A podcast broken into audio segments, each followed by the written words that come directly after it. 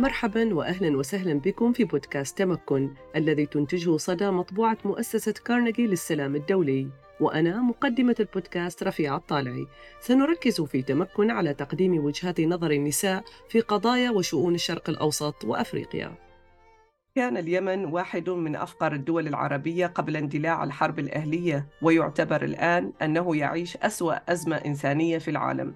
وفقا لدراسة حديثة نشرها برنامج الأمم المتحدة الإنمائي وأدى الصراع بالفعل إلى تباطؤ التنمية البشرية في اليمن بمقدار 21 عاماً. اليوم نستمع إلى امرأة يمنية كانت وما تزال تعمل على قضايا تنموية وحقوقية في بلادها. يسعدنا أن نستضيف أمة العليم السوسوة التي ستناقش الوضع السياسي في اليمن بالإضافة إلى تفاصيل حياتها المهنية كامرأة عربية شغلت مناصب دبلوماسية متعددة. أمة العليم السوسوة دبلوماسية وإعلامية وسياسية يمنية وهي أول وزيرة لحقوق الإنسان. في عام 1996 أسست ورأست اللجنة الوطنية للمرأة وعينت في عام 2000 أول سفيرة يمنية لدى هولندا والسويد والدنمارك وممثلة لليمن لدى منظمة حظر الأسلحة الكيميائية في لاهاي. في عام 2005 عينها الأمين العام للأمم المتحدة كوفي عنان مساعدا للأمين العام للأمم المتحدة ومديرا مساعدا لبرنامج الأمم المتحدة الإنمائي ومديرا للمكتب الإقليمي للدول العربية حتى عام 2012 شاركت في الحوار الوطني في عام 2014 في فريق بناء الدولة ورأست اللجنة المكلفة بصياغة وتحديد معايير وشروط اختيار أعضاء لجنة صياغة الدستور. في عامي 2014 و2015 عملت مديرا إداريا للجهاز التنفيذي للتسريع باستيعاب التعهدات ودعم سياسات الإصلاحات الاقتصادية الحكومية. تعمل حاليا استشارية في مكتب كبير الاقتصاديين لمنطقة الشرق الأوسط وشمال أفريقيا في البنك الدولي.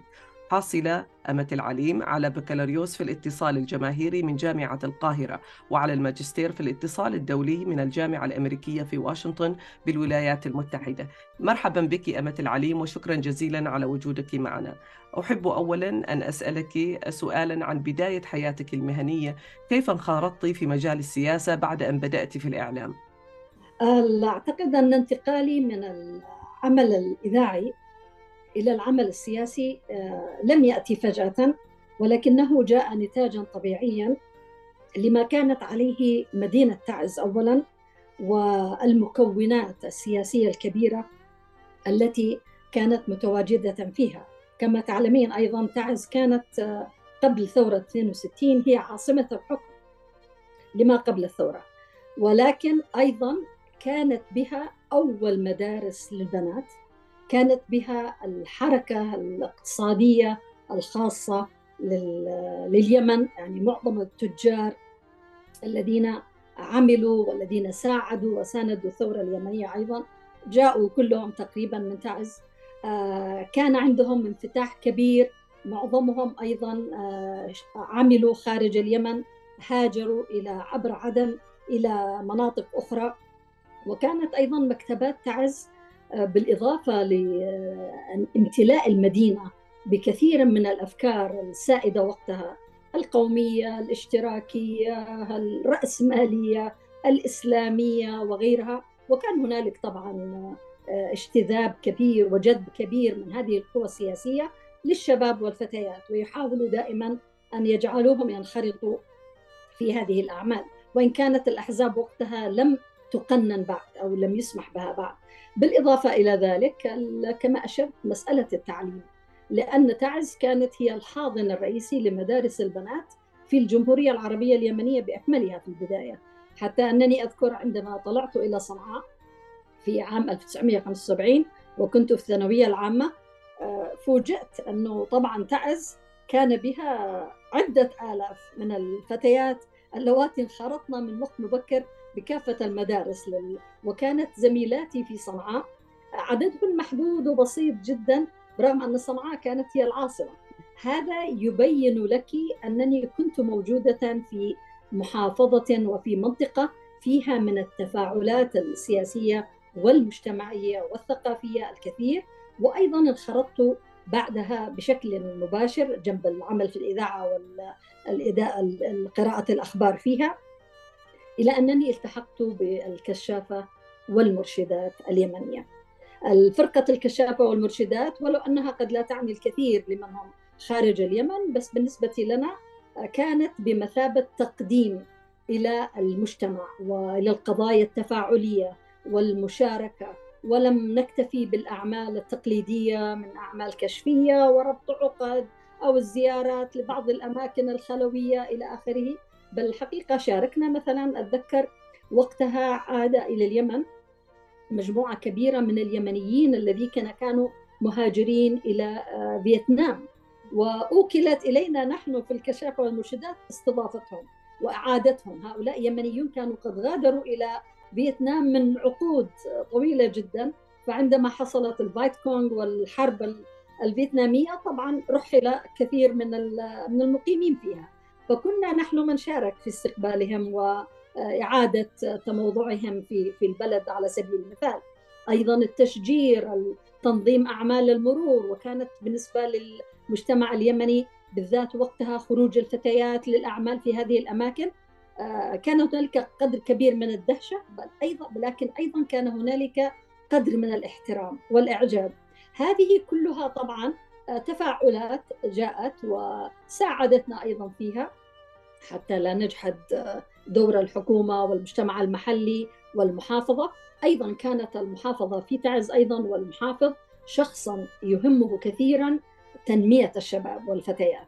ووقف معنا حتى برغم الحملات الكثيرة التي أديرت ضدنا وقتها فهذه هي التي ساعدتني على بعد ذلك على أن أتجه إلى العمل في الحوار الوطني في عام 1982 في صنعاء ووقتها كان المؤتمر الشعبي العام هو الذي تبنى هذه الفكرة وأصبح بمثابة مظلة ضمت في جنباتها كثيرا من القوى لأن الحزبية كانت محرمة لا تزال وقتها.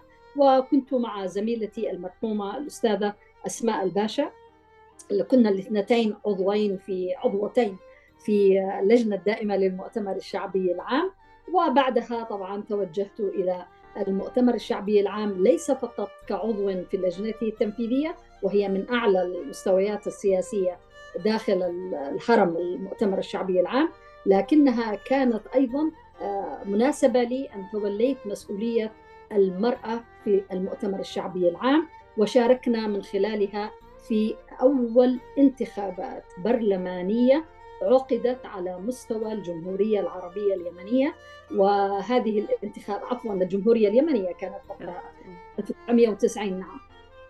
وأتذكر طبعا من هنالك دروس وعبر وكتب كثيرة يمكن للمرء أن يكتبها لكنها كانت أيضا بداية التركيز على هذا الفرع الذي هو رئيسي وليس فرع فرع بمعنى أنه جزء فقط من شجرة، هذا كان أصل الشجرة الكبرى وهي شجرة الاستقرار والتنمية في اليمن، مشاركة النساء السياسية في كافة تلك الجوانب. قلت إنه يعني هذه النشاطات لم تكن هكذا مجرد نشاطات صرفية كشفية، لكنها كانت منخرطة ومنصبة على ومنخرطة في أنه التغيير الاجتماعي آه، محاولة تثبيت أيضا الأدوار الأخرى غير التقليدية التي آه، كان يعيشها المجتمع اليمني. طبعا أيضا من المعيب أن نعتقد أن النساء لم يكن يشاركن قبل ذلك لأنهن أساسا مشاركات. تعرفي اليمن بلد زراعي وغالبية الشعب اليمني يعمل في الزراعة.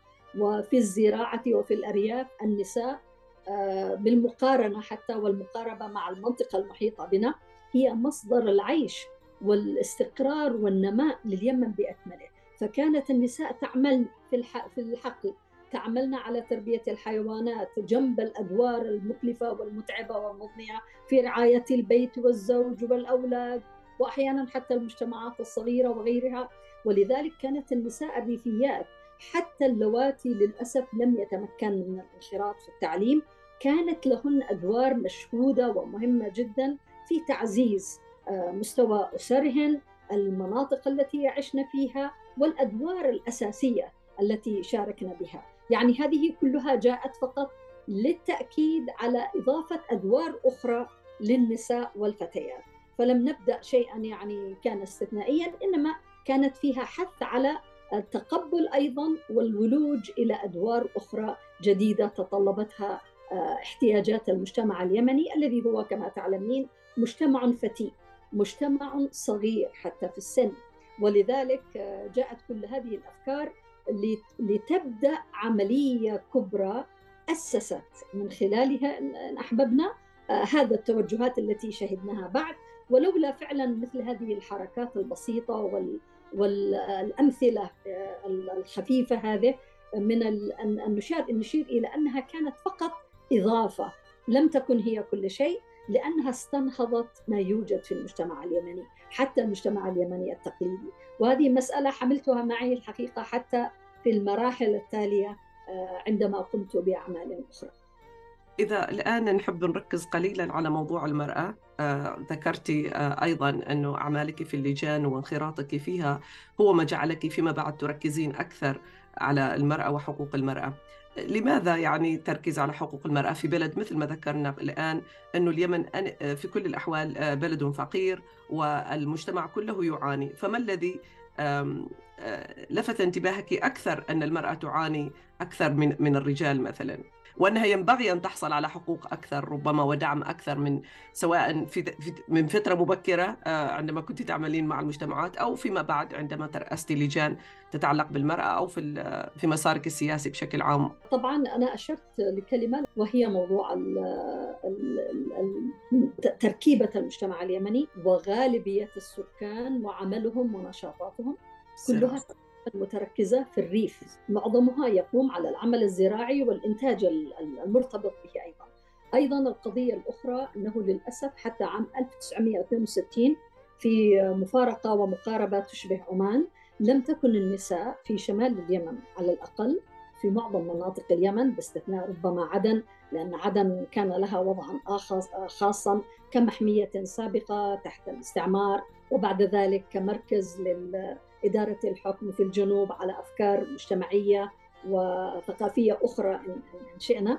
لكن بشكل عام كانت المثلب الرئيسي آه، تصوره. وهذا هو المكان الذي التقيت فيه مع كثير من هذه الأطروحات أو النظريات كما تفضلتي لأن النساء كن محرومات حتى من الذهاب إلى المدرسة حتى الأمية الأبجدية للقراءة للمعرفة الأشياء التي تعزز من تمكنك كفرد كبني آدم كشخص من أن تكوني قوية. تستطيع أن تكوني بخير آه، تكون عائلتك بخير تستطيعي أن تحصلي على الفرصة التي يجب أن تكوني مؤهلة لها. لكن من حقك البحث عنها وإن كنت آه، تمتلكين المؤهلات فيجب أن تحصلي عليها.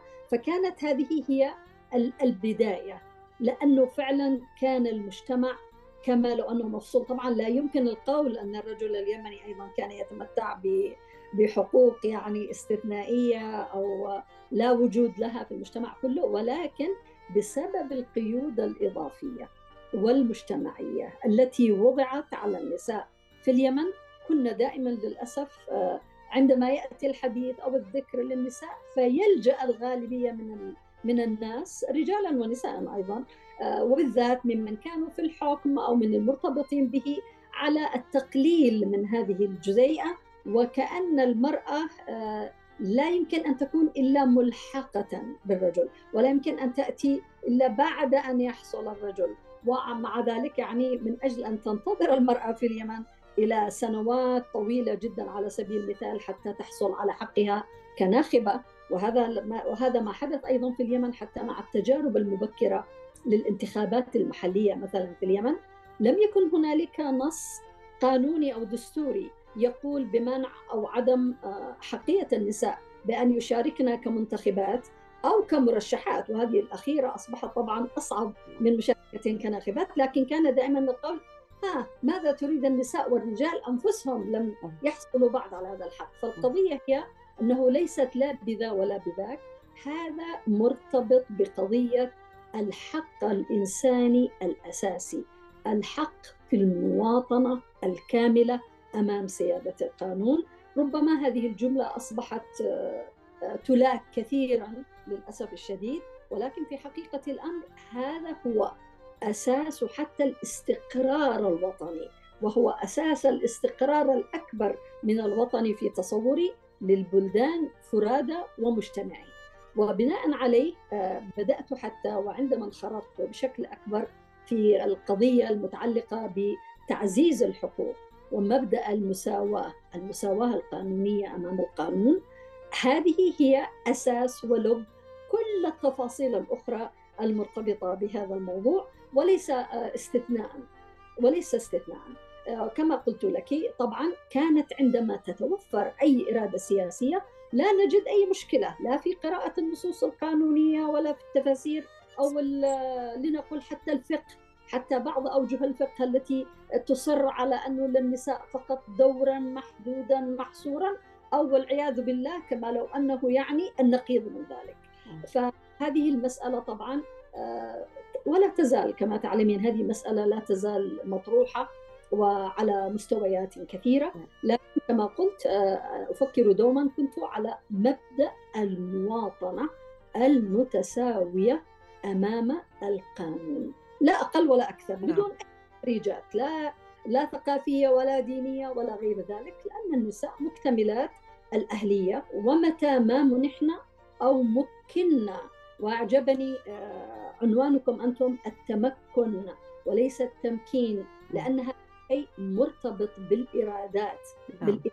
الخاصة للنساء والرجال نعم كان الملفت بالنسبة لي يعني عندما بدأت أنخرط في قضايا لها علاقة بالمرأة عموما في في طبعا في عمان والخليج ولكن أيضا في كل الدول العربية هو أن عندما كنت ألتقي باليمنيات حتى في اليمن آه، كان لم توجد مشكلة قانونية لأنه كل القوانين في اليمن كانت تدعم المرأة. بل إن اليمن اللي كان ملفت بالنسبة لي إنها كانت توقع وتصدق على الاتفاقيات الدولية قبل أي دولة عربية بالكامل بدون تحفظ آه، بينما كلنا يعني كل دولنا كان عندها تحفظ ومع ذلك يعني إنها آه، تبدو رغم قوة المرأة. أنا من وجهة نظري اليمنية ورغم تمكنها الشخصي لكنها كانت يعني الظروف السياسية نفسها لا تمكنها في حقيقة الأمر يعني. أتفق معك 100% كانت المسألة مرتبطة ومتذبذبة بالوضع السياسي وماذا يريد الساسة وماذا لا يريدون. ومن هنا جاءت أحيانا ازدواجيات كثيرة. لكن فعلا آه، أصبح الوضع محزنا الآن. عندما تري أو تجدي أن خواتك آه، اليمنيات اللواتي سبقنا كثيرا آه، في المنطقة طبعا بدون أي مبالغة. ومنذ عقود الآن في وضع للأسف الشديد آه، لا يحسدنا عليه. وطبعا لا يمكن المرور على قضية العنف والصراع الجاري بدون الإشارة إليه ولكن الحقيقة حتى من قبل من قبل نشوء أو من قبل قيام الصراع الحالي المؤقت. طبعا نعلم اليمن للأسف دخلت في حلقات للأسف معظمها لم ينتهي تماما وترابطت واشتبكت هذه المراحل لكن النساء للأسف الشديد كنا على الدوام هن الضحايا الأولى لمثل هكذا أفعال للأسف الشديد. ولذلك تأتي قضية المشاركة مشاركة النساء والمرأة والحصول على حقوقهن مرتبطة بعمليات السلام والاستقرار وإعادة تثبيت دعائم العقد الاجتماعي السوي بين المواطن وبين الحاكم. هذه هي أساس نعم. استقرار اليمن أيضا. مرحبا. نشكركم على استماعكم لتمكن. بدعمكم وكرمكم يمكننا الاستمرار في تقديم مزيد من النساء المتميزات لتتعرفوا أكثر على وجهات نظرهن في قضايا تهمكم. للتبرع نرجو زيارة موقعنا site.org/sada/donate أنت أيضا عملتي آه، مثل عليم في مؤسسات أو في مؤسسات بارزة من مثل المنظمات الدولية بما في ذلك البنك الدولي والأمم المتحدة. هل اكتشفتي أنه كان هناك توترا بين الأطر الحقوقية الدولية ورؤية المجتمع اليمني للحقوق خاصة بشأن تلك التي توصف بأنها حقوق المرأة؟ كيف تعاملت مع هذه القضايا؟ هي الحقيقة ليست آه، حقوق المرأة هكذا باختصار. بشكل عام آه، نجيء كلنا من منطقتنا طبعا بعدد من الموروثات. الموروثات في الحكم في الديمقراطية في الحكامة في حقوق الإنسان آه، ومن بينها طبعا تأتي قضية مشاركة المرأة أو حقوق المرأة. ولكن طبعا كما تعلمين الأمم المتحدة أو حتى البنك الدولي ولكن الأمم المتحدة أكثر لأنها آه، منظمة منظمة منظمة دول.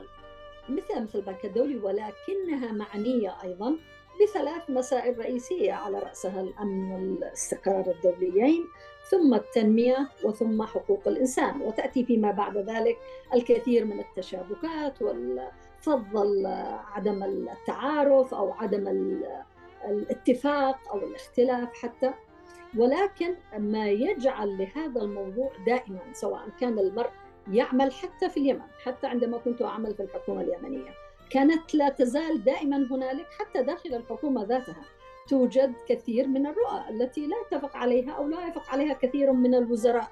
مثلا حتى داخل مجلس الوزراء. لا يعني ابدا أنه كانت هنالك استراتيجية مثلا للمرأة آه، تم مناقشتها واستيعابها ثم المجلس الأعلى للمراه يوافق عليها لم نكن يعني على الإطلاق أن الحكومة قد آمنت بها 100% وبدأت بتطبيقها حتى على هذا المستوى فما بالك وأنت تتحدثي عن منظمات متعددة الأقطاب ومتعددة الأغراض وبالذات في أوقات اشتبكت فيها السياسة بغيرها من الموضوعات. طبعا ليس كما قلت مرة أخرى ليس الموضوع فقط مرتبط بقضية المرأة، كانت قضية المرأة إحدى هذه النقاط التي كان هنالك نوع من الحساسية أو بين قوسين التحسس منها.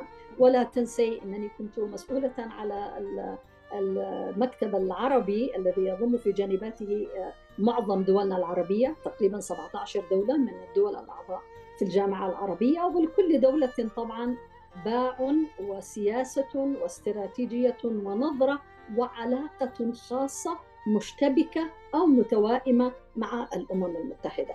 فلك أن تتخيلي مثلا عندما أطلق المكتب العربي للبرنامج الإنمائي وكان هذا الكلام قبل أن أتي زميلتي التي سبقتني الدكتورة ريما خلف آه الله بالخير هي التي شاركت وأشرفت على إطلاق أول تقرير حول التنمية البشرية والتنمية في الدول العربية. 2001 كانت طبعا الكارثة الكبرى في في أحداث نيويورك والاعتداءات عليها. هذه كلها لم تكن لتمر بسهولة خاصة وأنه كان في جزء كبير من العالم أيضا نظرة خاصة ورؤية خاصة للدول في بلداننا كافة الدول في بلداننا وكان دوما هنالك وضع أطر خاصة لها أو تسميات معينة ليست بالضرورة المحببة أو المقبولة حتى من الدول نفسها. ولا أكتمك القول يعني الآن أنا منذ أن تركت المكتب العربي أكثر من عشر سنوات ربما 12 سنة وأظن أن له لا تزال هنالك بعض هذه الصعوبات والمشكلات كلما صدر تقرير آه، في كل دولة على حدة. نعم نعم. ليس فهذه طبعا متواجدة ومتوفرة ولكن الذي أريد أن أقوله هنا أنه هذه خلافات كلها طبيعية واختلافات أيضا طبيعية وحتى مشجعة لأنه في الأخير المطلوب والذي يجب أن يكون هو أن النماذج التنموية التي تخططها البلدان لنفسها يعني الأمم المتحدة ما لهاش دخل في قضية من يختار هذا الأسلوب نعم. أو هي فقط في التزامات الدول نفسها تجاه مواطنيها ومواطناتها تجاه القضايا التي تتعالج بها معها في قضية الحكامة والحقوق وإلى آخره. طبعا آه، هنالك كثير من الاشتباكات والتفسيرات وغيرها من المسائل التي لن تتوقف لا اليوم ولا بعد عشر سنوات ولا إلى حتى إن تغيرت الأنظمة هذه كلها أقصد النظام الأممي نفسه.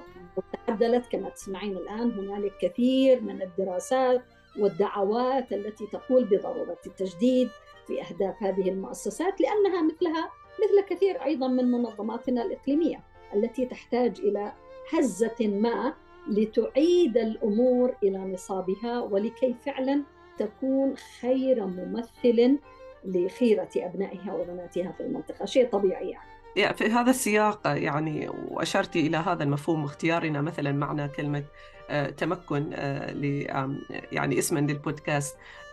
ماذا يعني آه، التمكن في حياة المرأة اليمنية اليوم؟ وما الذي يعني التمكين أيضا من وجهة نظرك؟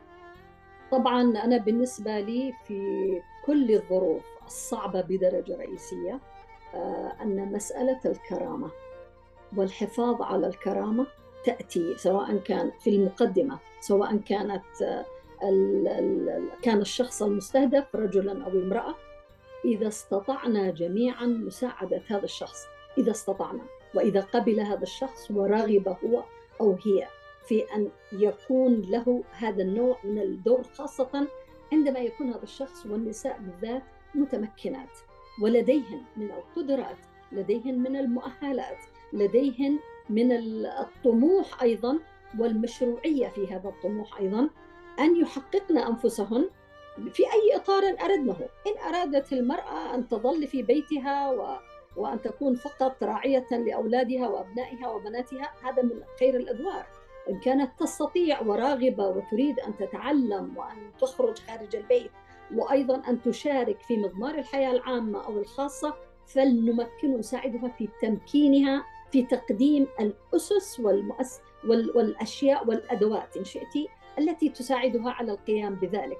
المهم أنه لا يكون هنالك ظلم ولا إقصاء ولا أيضا تشويه للأدوار هذه ولكل هذه الأدوار كلها مطلوبة ولا تستقيم الحياة في أي مكان في العالم بدون هذه الأدوار المتعددة، المهم أن تكون خيار النساء والمهم أن تكون النساء جاهزات بالأدوات التي تمكنها هي نفسها من أن تحصل عليها ومن أن تشارك. طبعا الكثير يقال مثلا على قضية مشاركة النساء في أسواق العمل العامة في الببليك سيرفيس يعني في مجتمعاتنا ما زالت إلى اليوم برغم الأرقام الكبيرة جدا في الإنجاز على مستوى التحصيل العلمي وحتى البنات يتمكن ويقدمن ويصلن إلى درجات الامتياز والتفوق حتى أكثر من الأولاد في الجامعة في نعم. الثانوية مع ذلك عندما تريدي أن تعرفي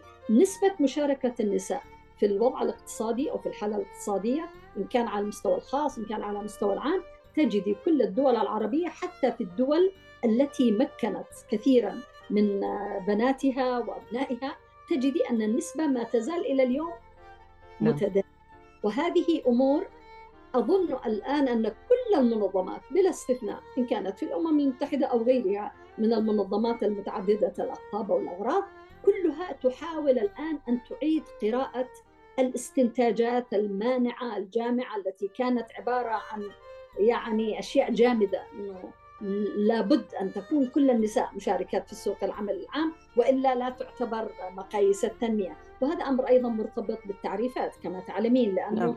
حتى في أدبيات هذه المؤسسات ينظر إلى العمل أنه عمل منظم فقط عندما يكون محسوب وهنالك ضرائب تدفع عليه وهناك مشاركة نعم. في لكن وليس وليست الأعمال غير النظامية أو في الزراعة أو في عند العائلة. نعم. البيت أو وغيرها لذلك من إعادة الاعتبار أيضا لكل هذه الأشكال من الأعمال لأن فيها أيضا تمكين وتمكين مباشر واحيانا أكثر. سألتني في سؤال في في ذلك كيف تمكن المرأة اليمنية الآن؟ المرأة اليمنية الآن التي تقوم بأدوار عديدة لم تكن جاهزة لها غالبا أيضا في المناطق التي لم تكن بها نسبة كبيرة من اللواتي يعملن في العمل العام بالذات بالذات اللواتي تركهن أزواجهن أو نعم. معيد آه، ولم يعد أو لم يستطع الآن أو لم يستطيع العمل في المدى المنظور هؤلاء هن اللواتي يجعلن مما تبقى لنا من صمود. إن شئت برغم أنني أصبحت أكره هذه الكلمة من كثر بيكت بدون ما يضاف لها مضمون متعلق بالوضع الإنساني للنساء والأدوار المتعددة التي تقوم بها النساء ولذلك يجب أن يتجه الجميع أيضا لتمكين هذا القطاع العريض جدا من النساء والرجال الذين فعلا بإمكانهم أن يدفعون جميعا إلى المستقبل من أجل أن يكون المستقبل أكثر اشراقا من الماضي. هذا هو. تمام أنت عملتي في عدة منظمات وأيضا مناصب مختلفة سواء في الدولة في, في اليمن أو في مثلا خارج اليمن وعلى مستويات مختلفة أيضا ما هي كانت أولوياتك بالإضافة إلى موضوع المرأة وهل شهدت أي تقدم بخصوص هذه القضايا في اليمن أو في المنطقة العربية عامة؟ يعني حدثتينا عن طبعا مثلا التقرير الإنمائي وعن دورك فيه فما الذي تشهديه الآن؟ يعني أنت تركتي على الأقل من 10 سنوات إلى 12 سنة مثل ما أشرتي هل الموضوعات اللي كنت مهتمة بها هل شهدتي أي تقدم إحراز أي خطوات إلى الأمام سواء في اليمن أو في المنطقة العربية بشكل عام؟ بلا شك أن هنالك أيضا خطوات وخطوط كبيرة جدا في مسائل الإنجاز الاقتصادي المجتمعي في الغالبية العظمى من الدول العربية بلا شك. وبالذات منذ عشر سنوات مضت لأنه حدث تدافع كبير جدا وحدث أنه هنالك تنافسا شريفا أنا أسميه بين الدفع أيضا بأعداد أكبر سواء من الشباب أو النساء أو الفئات الأخرى التي كانت مهمشة أو التي لا تزال مهمشة وحصلت عمليات إدماج الخاصة والعامة. وطبعا حتى في البلدان التي فيها نزاعات وصراعات حروب حدث أيضا آه، قفزات كبيرة. يعني برغم كل القيود والحالة الأمنية المتردية إلا أنك تجدين بلدانا مثل بلدي العزيز أو مثل الصومال أو حتى حيث توجد أزمات متلاحقة مثل لبنان أو حتى في سوريا وفي العراق وفي غيرها من الدول وليبيا. سمي ما شئت من غيرها. كثير أيضا هنالك من الخطوات والإنجازات التي أحيانا لا نستطيع رؤيتها بسبب الضبابية الحادثة من هذا النزاع. ولكن الذي أستطيع أن أقوله لك وأنا على ثقة أنه التاريخ دائما لا يقف إلا في صف هذا التقدم والتطور بالذات الذي يحمله على أكتافهم وأكتافهن النساء والرجال من هذه البلدان. ولا تأتي طبعا هذه القدرات إلا بتمكين من حكوماتهم التي بدأنا نشاهد على العموم في كل المناطق. هنالك حركة آه، اقتصادية تنموية متذبذبة بعضها في بعض الأماكن لكن هنالك تجاوزا إلى عقود إن شئت حتى من الانقطاع من العودة الآن إلى فكرة الإدماج إلى قضية أن تصبح النساء جزءا لا يتجزأ برغم الحملات الأخرى المعارضة هناك أو التي لا تتفق تماما مع هذه المجريات لكن قضية الدفع بأعداد كبيرة جدا من الشابات بالذات ومن الشباب لأنهم كما قلنا مثل ما هو الحال في اليمن الحال هو نفسه في كافة الدول العربية بلا استثناء. لديك مجتمعات نامية صاعدة. هذه على الإطلاق. لن تستكين ولن تقبل مرة ثانية مثل أجيالنا للأسف. أقول لك هذا الكلام بشكل واضح أنها تتماهى مع ما كان موجود زد إلى ذلك أو زيدي إلى ذلك إن شئتي أن العنف هذا الذي حدث والعودة الآن إن شاء الله إلى السلام والاستقرار ستفرض نفسها على معطيات الأجندات القادمة. وهذا هو المهم. والأمم المتحدة كما تفضلتي في بداية حديثك آه، وكما قلنا هي ممثلة أو كما هي إطار لكل هذه الدول ولا يمكن القول بأن الأمم المتحدة نجحت في هذا الدولة أو فشلت في تلك الدولة. نستطيع أن نقول أن تلك الدولة في المجتمع الفلاني في المكان الفلاني نجح أو فشل. ولا نقول ذلك. إنما الأمم المتحدة من أهم برامجها وتوجهاتها أن تعزز الدفع بهذه القضايا. يعني عندك الآن أهداف التنمية المستدامة. نعم. نحن في منتصفها. في هذه السنة آه، أعلنت الخمسة عشر عاما منذ بدء إعلانها. وهذه الأهداف التنموية المستدامة فيها إجابة بدون أي مبالغة على كافة أسئلة البلدان بخصوصياتها بدون الحديث أو التنطع أو القفز أو المبالغة أنه هذا تدخل أو عدم تدخل لا هذه أهداف تنموية ستعين العالم.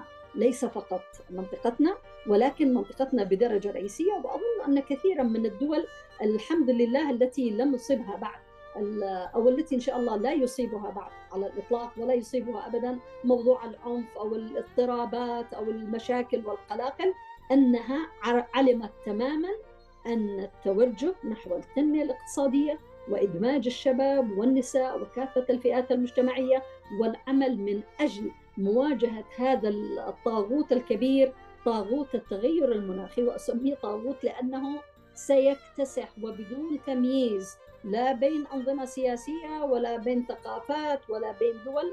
وهنا ربما تكون أيضا نقطة البداية أيضا للخلاص الإنساني عبر أهداف التنمية المستدامة. نتمنى ذلك. أحب أن أرجع قليلا إلى مقالك الذي نشرناه في صدى في مارس 2022 آه، والذي سعدنا جدا بمشاركتك لنا آه، بمشاركتك لنا بهذا المقال. وكان هذا المقال أصلا هو فصل من كتاب آه، انت مؤلفة أيضا فيه عن التنمية في اليمن في الفترة ما بعد الحرب الأهلية يعني الراهنة. نتمنى أنها توقفت بعد تبادل الأسرى. كيف تنظرين إلى الوضع في اليمن اليوم؟ خاصة في أعقاب التطورات المتعلقة بعملية السلام ومبادرات جديدة لتبادل الاسرى اولا طبعا آه، لا شيء آه، يمكن أن يضاهي السلام ولا تحتاج اليمن في هذا الظرف أكثر من السلام ايا كانت الأولويات كما شهدنا وكما تحدثنا اليوم في اللقاء معك بدون السلام يستحيل صنع أي شيء. مرتبط بالاستقرار بالتنمية بالاقتصاد إلى آخر غيره حتى الحريات الشخصية الحريات العامة. كل هذه المسائل تصبح ثانوية أو لا؟ معنى لها. اليمن آه، سيدتي وكلنا تشرئب أعناقنا إلى أن نرى وقريبا جدا ترجمة تفصيلية واضحة وأوسع من مجرد الإعلان عن طبعا هو لم يكن فقط حسن نوايا هنالك كانت خطوات. تفضلت بذكر واحدة منها التي هي قضية تبادل الأسرى والمسجونين ولكنها لا يجب أن تتوقف هناك وأرى أنها لن تتوقف برغم أنه من فترة لأخرى كما تعلمين ستكون هنالك بعض القضايا التي تظهر هنا وهناك واضطرابات هنا وهناك.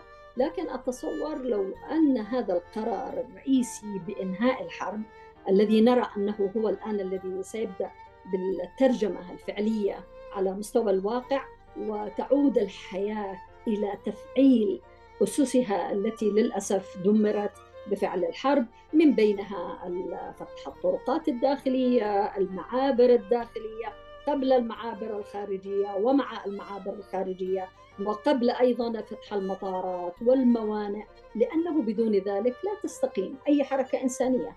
مش بس فقط ليس فقط الحركة الإنسانية. حركة اقتصادية مهمة لأنها لب الحركة الإنسانية ومن أجل أن يعود اليمنيون كلهم للانشغال بلملمة حياتهم بالعودة إلى النظر إلى داخلنا نحن كمجتمع يمني. علينا أيضا من الاستحقاقات والواجب تجاه بعضنا البعض أكثر بكثير مما ظللنا ندعي أو نقوله خلال السنوات التي مضت. وآن الأوان إلى أن فعلا قبل أن نتحدث عن مسألة أي إعمار مادي أو عضوي أن نتحدث أن نعيد الاستثمار في إعادة بناء اللحمة اليمنية التي للأسف هذه الحرب اللعينة مزقتها ونهشتها في الصميم.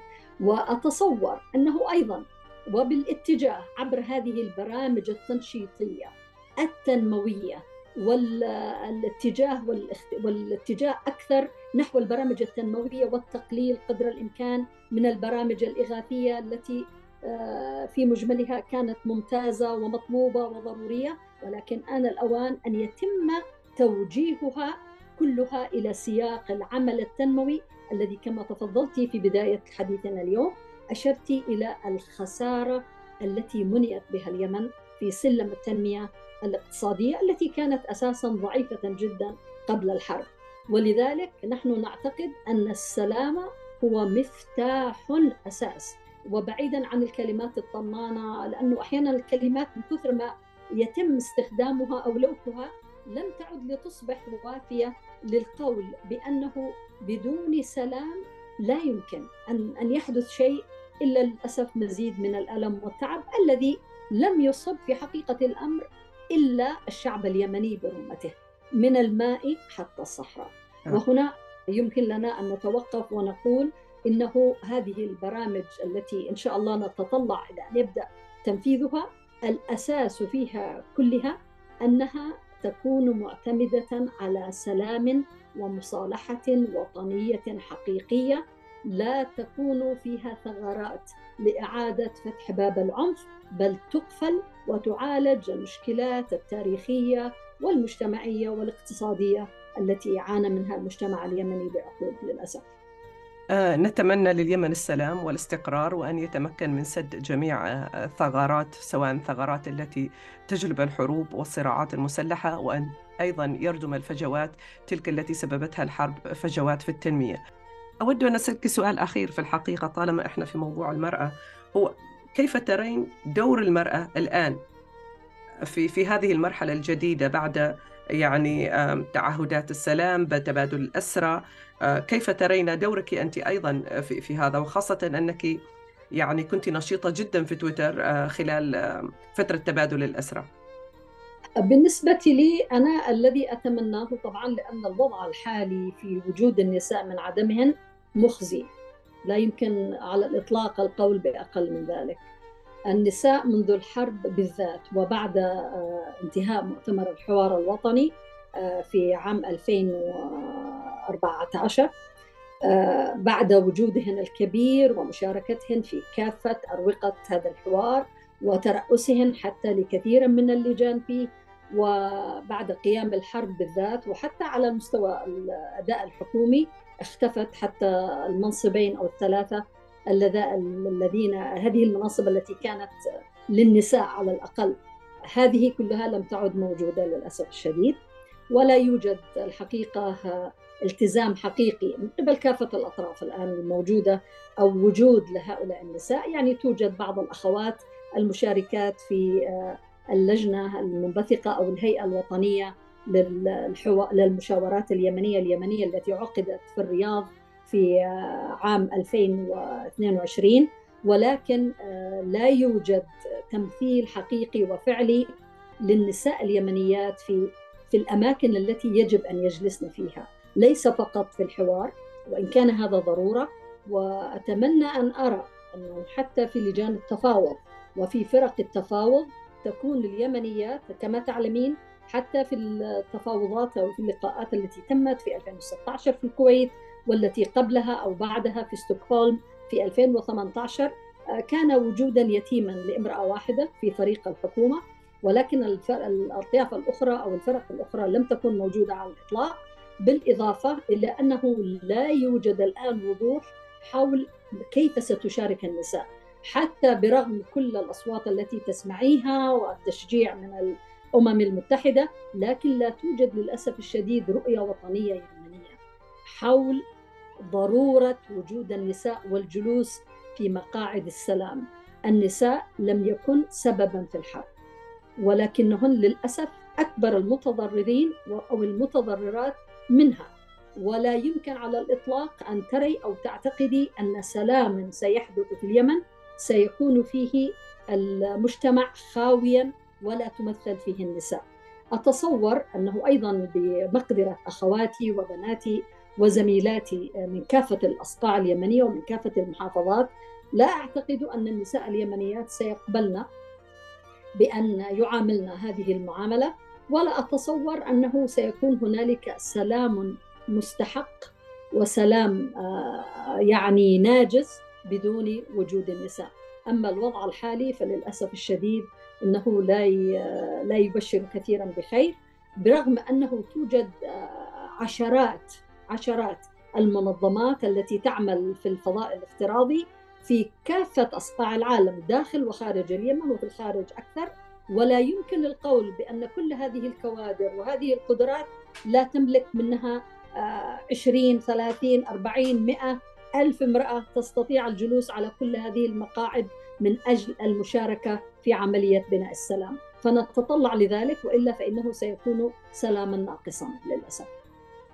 شكرا جزيلا مرة أخرى على الصراحة وعلى المعلومات وعلى الانفتاح في مناقشة القضايا المتعلقة سواء بحياتك المهنية أو بالوضع في اليمن. شكرا جزيلا لكم وبالتوفيق إن شاء الله. شكرا عزيزي. شكرا. نشكركم على متابعة حلقة جديدة من تمكن البودكاست الذي تنتجه صدى مطبوعة كارنيجي للسلام الدولي. شارك في الإعداد والبحث كيتلين هاشم وماديسون أندروز وأخرجه مهندس الصوت تيم مارتن.